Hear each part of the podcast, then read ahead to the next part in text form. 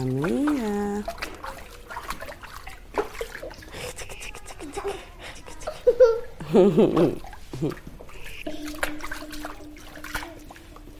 Hm? Wasser, Wasser, Wasser.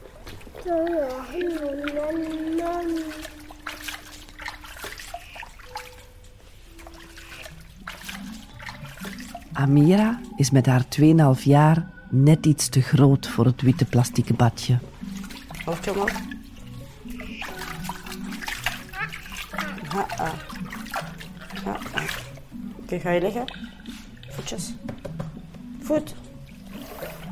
Ik zit op de brede, langgerekte vensterbank die ook dient als luiertafel voor de kinderen. Ja, is dat goed? Elk kindje heeft hier zijn of haar eigen plek. Ja. Oh, haartjes wassen is schat. Ja, lekker hè? Voilà, oké, het is goed, schat. Het is goed. Het is drukkend warm in de wasruimte en ik ruik overal Zwitsal. De shampoo die door de gevangenis voor alle mama's wordt voorzien.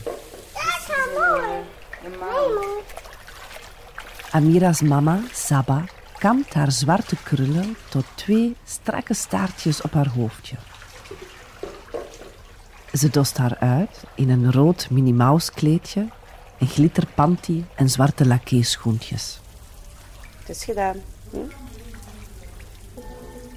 Elke dag waarop Saba haar dochtertje klaarmaakt, is een dag dichter bij het afscheid. Want over enkele maanden, op 3 augustus, wordt Amira drie. Op die leeftijd moeten kinderen de gevangenis verlaten. Hoppakee, hier, stappen. Hun toekomst samen is onzeker. Want Saba is geen Belg en ze is haar verblijfsrecht verloren. Als zij vrijkomt, weet zij niet waar en of ze voor haar dochter kan zorgen. Nee, kom. Dit is Hier woont mama nu. Een podcastreeks van op de moeder-kindafdeling van de gevangenis van Brugge. Ik ben Katrien Lohman en samen met Wederik de Bakker volgden wij enkele maanden lang het leven van mama's die met hun kinderen in de gevangenis verblijven. Aflevering 2. We zijn nu december, dus dat betekent dat het eigenlijk nog acht maanden is. En dan is zij hier eigenlijk, moet zij hier buiten. Als ze niet van willen, dan moet ze hier buiten. Voor mij is er geen mogelijkheid om mij constant schuldig te voelen of me constant te stressen of me constant te zeggen van oh nee, ik zit hier en oh nee, ik heb dit en oh nee, ik moet terug naar Nederland en ze hebben mijn papieren afgepakt en wat moet ik doen en waar moet ik beginnen en hoe met Amira. Dan gaan wij gewoon kapot maken en dan ga je dat hier niet halen. Dus heb ik nog die acht maanden dat ik met haar kan doorbrengen en ja, daarvan kan genieten.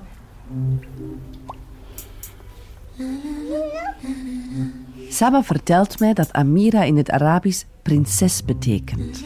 En ze zegt dat nu ook. Amira prinses. En dat ook constant zo met haar haren. Amira prinses, Amira prinses. En Amira doet haar naam alle eer aan. Ja, is dat goed? Je zou een hart van steen moeten hebben om niet te bezwijken onder haar smekende puppyogen. Amira, kom. Kom eens hier. Oei, oei, oei. Ja, kom. Sokken aan, schoenen.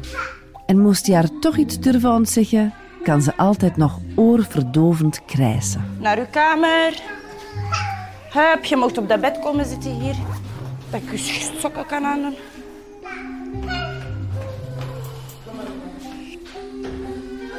Fien, de celgenote van Saba, loopt met haar zoontje Hakim de kamer rond. Saba en ik zitten op bed. Fien klopt op het ruggetje van haar zoontje om hem te laten boeren. Wat is dat allemaal, schat? Stinky. Stinky. Wat heb je servet gegeten? Ja. Ik riek het. Ook Fien heeft een datum. Bij mij gaat dat op een donderdag zijn. Hè? Donderdag of vrijdag, ja. Oh. Ik heb zo lang uitgekeken naar deze tijd. Nee, je ze bekend weg. We waren gisteren bezig over hoe de Amira zo gaat reageren als zij ziet dat mijn prikbord leeg is en mijn kast leeg is. Wij hopen dat hij dat niet gaat moeten zien, dat ik mijn spullen inpak en ga vertrekken. Want dat kind gaat echt breken. Oh my god, als ik eraan denk, word er gewoon niet goed van. Ik wil zo graag naar huis, maar dan gaan wij zo verdrieten om haar achter te laten. Ik ga je bellen, hè. Ga je stalken. Het is uw garage.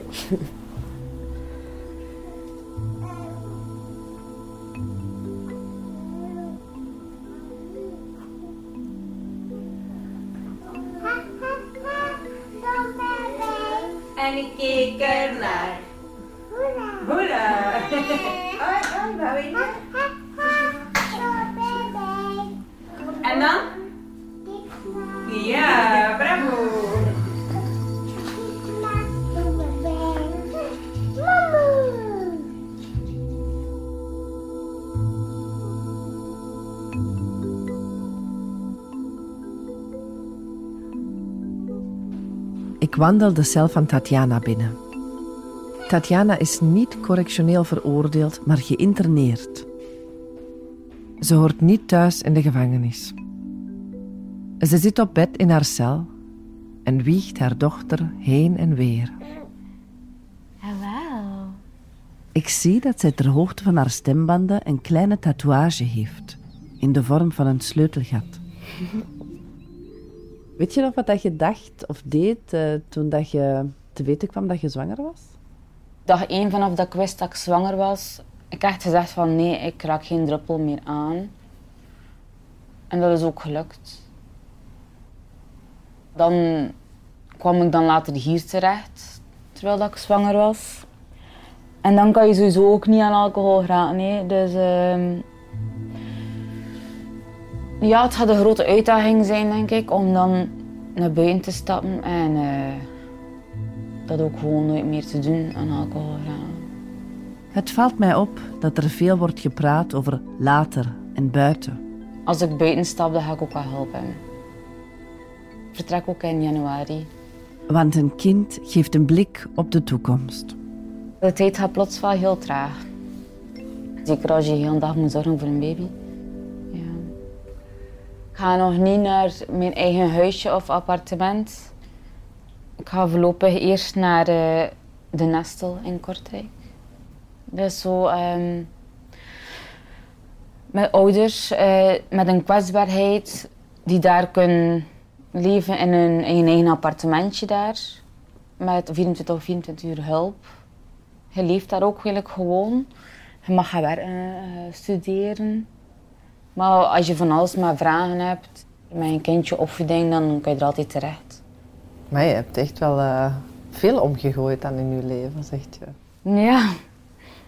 Ja. Ik ben ook heel blij dat heel veel mensen wel nu instanties wil me echt helpen om alles in orde te krijgen. En alles is ook nu bijna helemaal in orde. Volgende week donderdag, één keer om de zoveel maanden, zijn we allemaal samen, alle instanties. Met ik erbij. En dan bespreken we wie wat allemaal gedaan heeft, wat we nou nog kunnen doen. Alles is eigenlijk al uitgestippeld.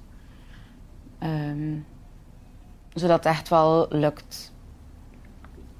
Want helemaal alleen een stap buiten zetten met haar, zelfs naar een woning die geregeld is, nee, zo mee denk ik niet echt trekken.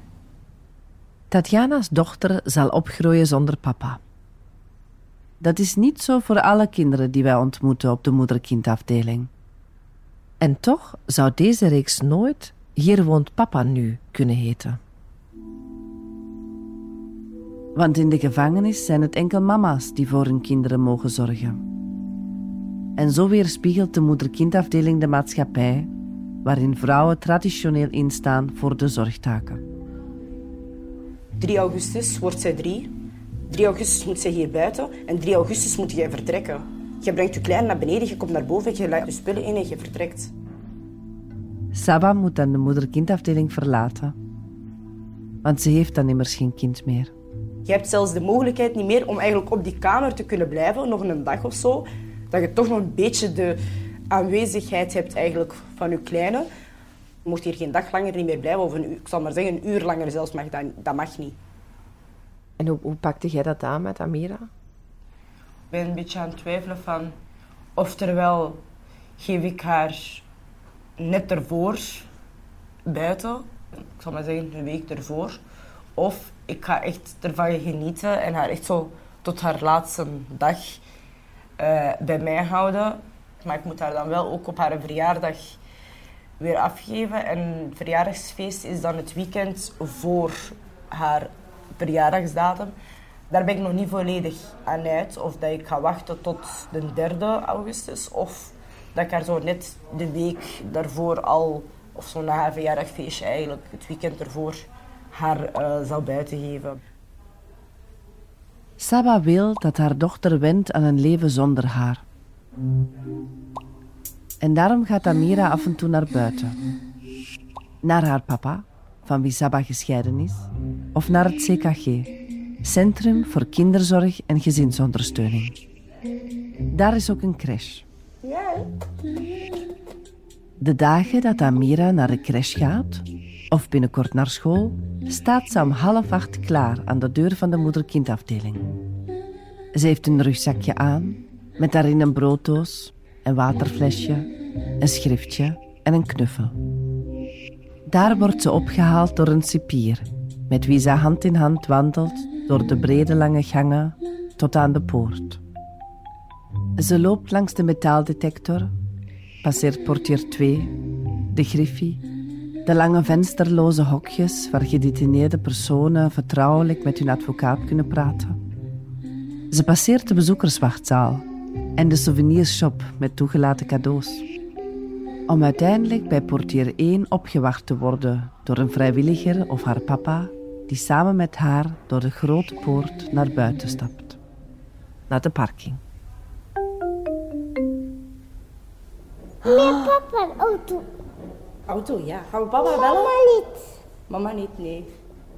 Bij mooi weer wordt ze soms opgehaald door de bakfiets van het CKG. Kijk, de bakfiets.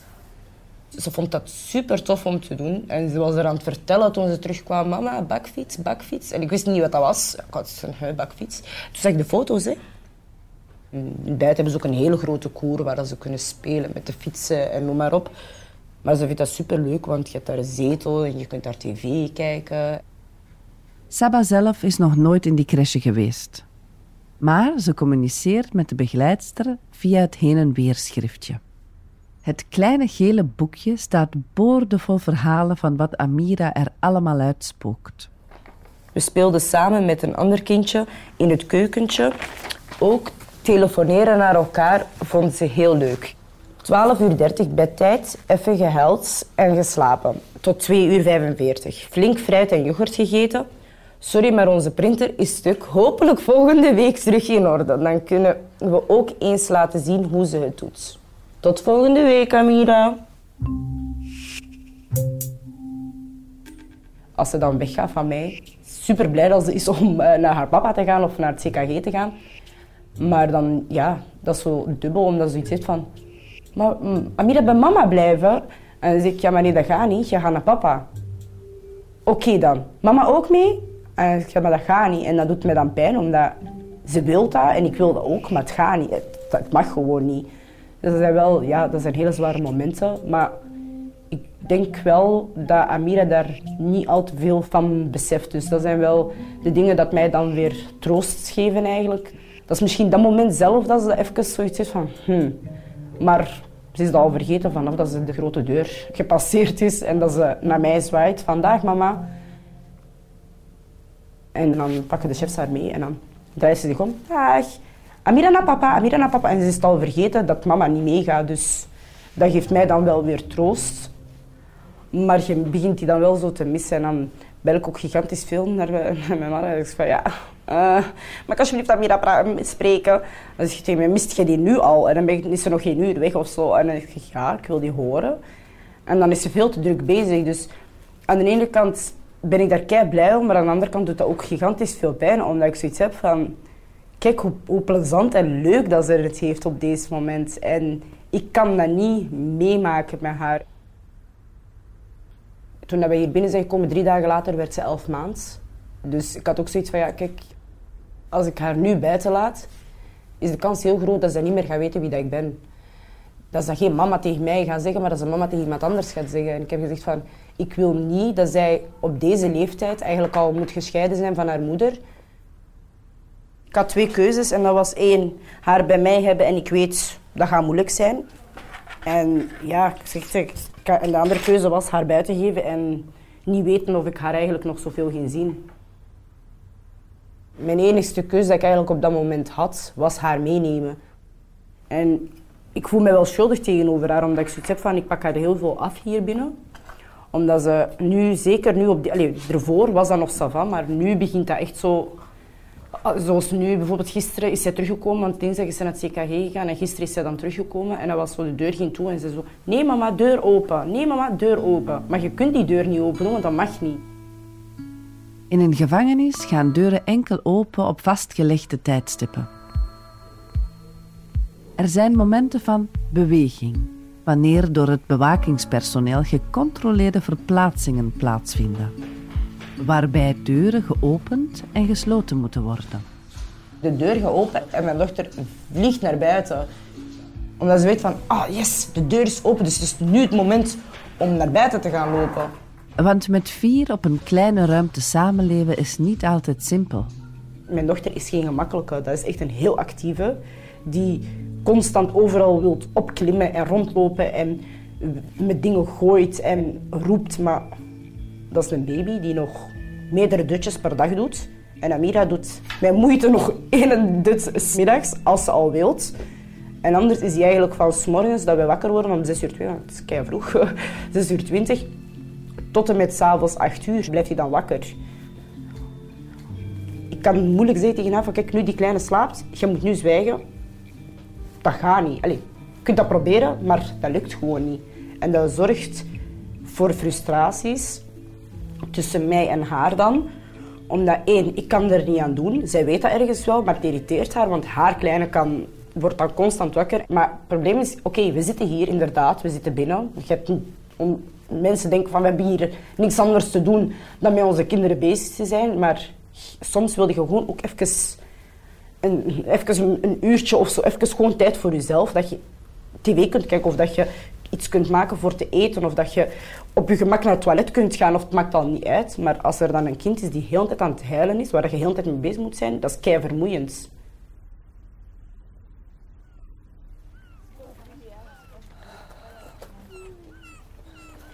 Op de binnenkoer aan het speelhuisje doet Amira onvermoeibaar rondjes. Wat kijk? Trapje op, glijbaan af. Trapje op, glijbaan af. Ami, waarom altijd met zand? En als het mooi weer is, niet. En ze biedt weer heel de cel onder zand. Ik ga zitten bij de mama's die op een bankje onder een afdak aan het roken zijn. Ga in het huisje spelen, Amira. Ami.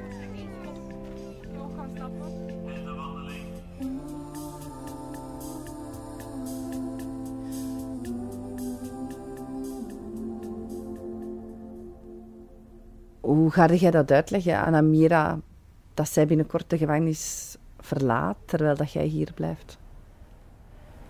Wat ik haar kan zeggen van kijk, nu gaat jij naar papa en ga even bij papa verblijven tot dat mama terug is en ik terug bij, naar buiten mag. Want uh, er is een mevrouw die eigenlijk beslist of dat mama naar huis mag komen of niet. Omdat mama iets heeft gedaan wat dat niet mag, wat dat fout is. En daarom zit mama hier. Maar jij mag nu naar huis en mama gaat wel daarna nog komen. Dat ze weet van, ook, ik kom altijd wel terug. Dat is de boodschap die ik haar zeker wil geven. Dus ik hoop wel dat ook naar buiten toe, als ze bij haar vader is, dat hij zich ook wel aan zijn woord houdt. En dat hij ook wel dat gaat blijven zeggen tegen haar. En dat hij ook zijn belofte nakomt dat hij met haar meerdere keren uh, in de maand gaat langskomen. Dat bezorgt mij eigenlijk wel heel veel angst. Van alle dagen naar in één keer vier keer per maand maar haar zien voor een uur, dat gaat heel moeilijk zijn. En ik weet dat, ik besef dat ook. Het is gewoon heel moeilijk, omdat ik gewoon zoiets heb van ja, oké, ik weet ze is in goede handen. Maar aan de andere kant ben ik ook bang dat ik haar ga verliezen, want je weet nooit niet wat er in mensen hun in hoofd zit. Je weet ook niet, oké, haar vader is heel lief en we komen supergoed overeen.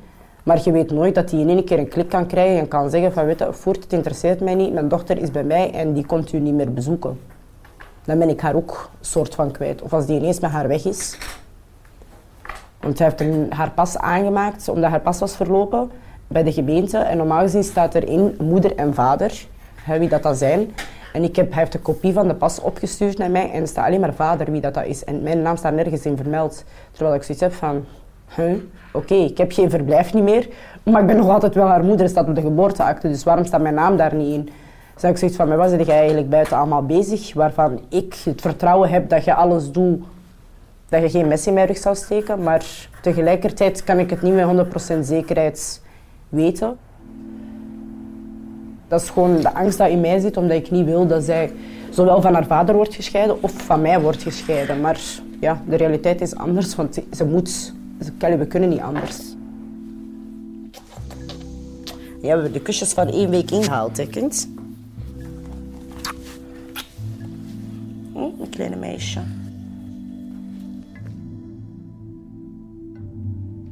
Ik heb zelf een heel moeilijke, uh, moeilijke jeugd gehad. Vooral de, de liefde. De knuffels, de, ja, de kusjes, de bezig zijn. Um, dat zijn allemaal dingen die ik eigenlijk niet heb gehad toen ik klein was. En ook naar later toe. Dat is hetgeen dat ik eigenlijk echt wil. En allee, dat anders is bij mij en bij mijn dochter. Van gewoon weten van oké, ik kan bij mijn mama met alles terecht. En als er iets is, kan ik op mijn moeder rekenen. En dat ze wel weet van oké, ik moet geen schrik hebben om te zeggen van er is dit of ik heb een probleem met dat of ik rook of ik heb een vriendje of ik wil uitgaan of ik heb... Allez, ik wil niet dat ze er schrik van heeft. En jij had wel schrik? Ik had heel veel schrik, omdat ik wist dat ik met zo'n dingen ook niet moest komen aankloppen bij mijn ouders. Allee, ze hebben niet echt, ook niet naar me omgekeken. En toen ze zagen, allee, hadden geroken, dat ik, dat, ik, dat ik rookte en dat ik met jongens omging, heb ik de volle lading gekregen van mijn vader. Hij kon niet praten, hij kon alleen maar slagen. En dat is iets wat ik niet wil dat Amira zou moeten meemaken. Ik wil niet dat er echt extreme geweld is of zo naar haar toe. Niet van mijn kant, niet van haar vaders kant. Ik wil dat niet herhaling zien dat Amira daarin zou moeten terechtkomen. Maar ik wil zeker niet dat mijn kinderen zouden moeten bang zijn. Ik wil dat die vrij kunnen zijn en dat alles bespreekbaar is en dat ze alles gewoon kunnen zeggen. Dat is het belangrijkste, dat ze weet van ik ben geliefd bij mijn moeder, bij mijn vader. En ik mag er zijn en ik kan bij hun terecht met alles waar dat ik mee zit. Terwijl Saba tegen mij vertelt, zit Amira op haar schoot en is geconcentreerd aan het kleuren. Uh, uh, niet op de tafel. Hier kleuren. Als je wilt kleuren, hier op kleuren, oké? Af en toe kijkt Amira op als ze haar naam hoort. Ik weet niet hoe dat ik die, uh, hoe dat ik die pijn moet beschrijven, maar dat is dat is gewoon ondraaglijk. Ik word er ook gewoon... Ja, ik, kan, daar echt elke dag wel van, van, van wenen en ik kan daar echt van wakker liggen. Dat ik echt gewoon niet, niet, niet slaap en dat ik er ook gewoon emotioneel en, en gewoon dingen echt gewoon helemaal doorzit. Ik heb een psycholoog hier die ik ook heb aangevraagd omdat ik ook gewoon niet meer aankom. Dat ik ook heb gezegd van het is mij te veel en ik weet gewoon niet hoe dat ik daarmee moet omgaan. En die gesprekken doen mij wel heel goed, omdat ik dan heb kunnen ventileren. Wauw, zo mooi. Zo mooi. Ja, dat is een, dat, die, die pijn, dat, ja, dat, dat blijft. Dat, dat is niet iets dat je kunt zeggen van oké, vandaag was dat en morgen is dat weg. Ik blijf dat meedragen en ik denk, ja, wauw. Ik denk dat ik dat voor altijd wel een stuk ga blijven meedragen, omdat ik besef dat wel dat ze hier heeft gezeten.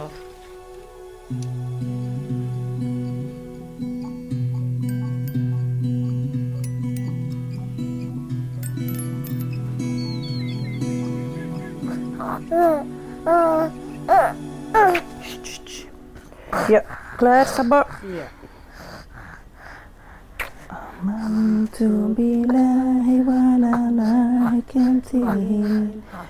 Het is avond. Tijd voor Amira om te gaan slapen.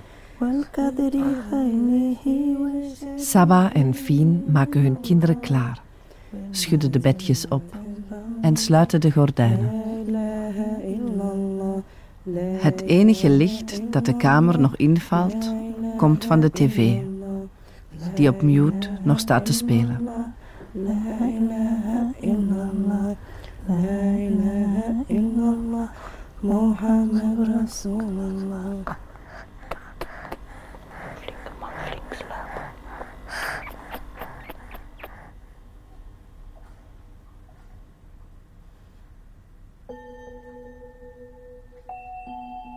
Dit was de tweede aflevering van Hier woont mama nu. Een podcastreeks voor DS Audio over de moeder-kindafdeling van de gevangenis van Brugge. Met steun van Fons Pascal de Kroos, Sabam for Culture en Radio Begijnenstraat.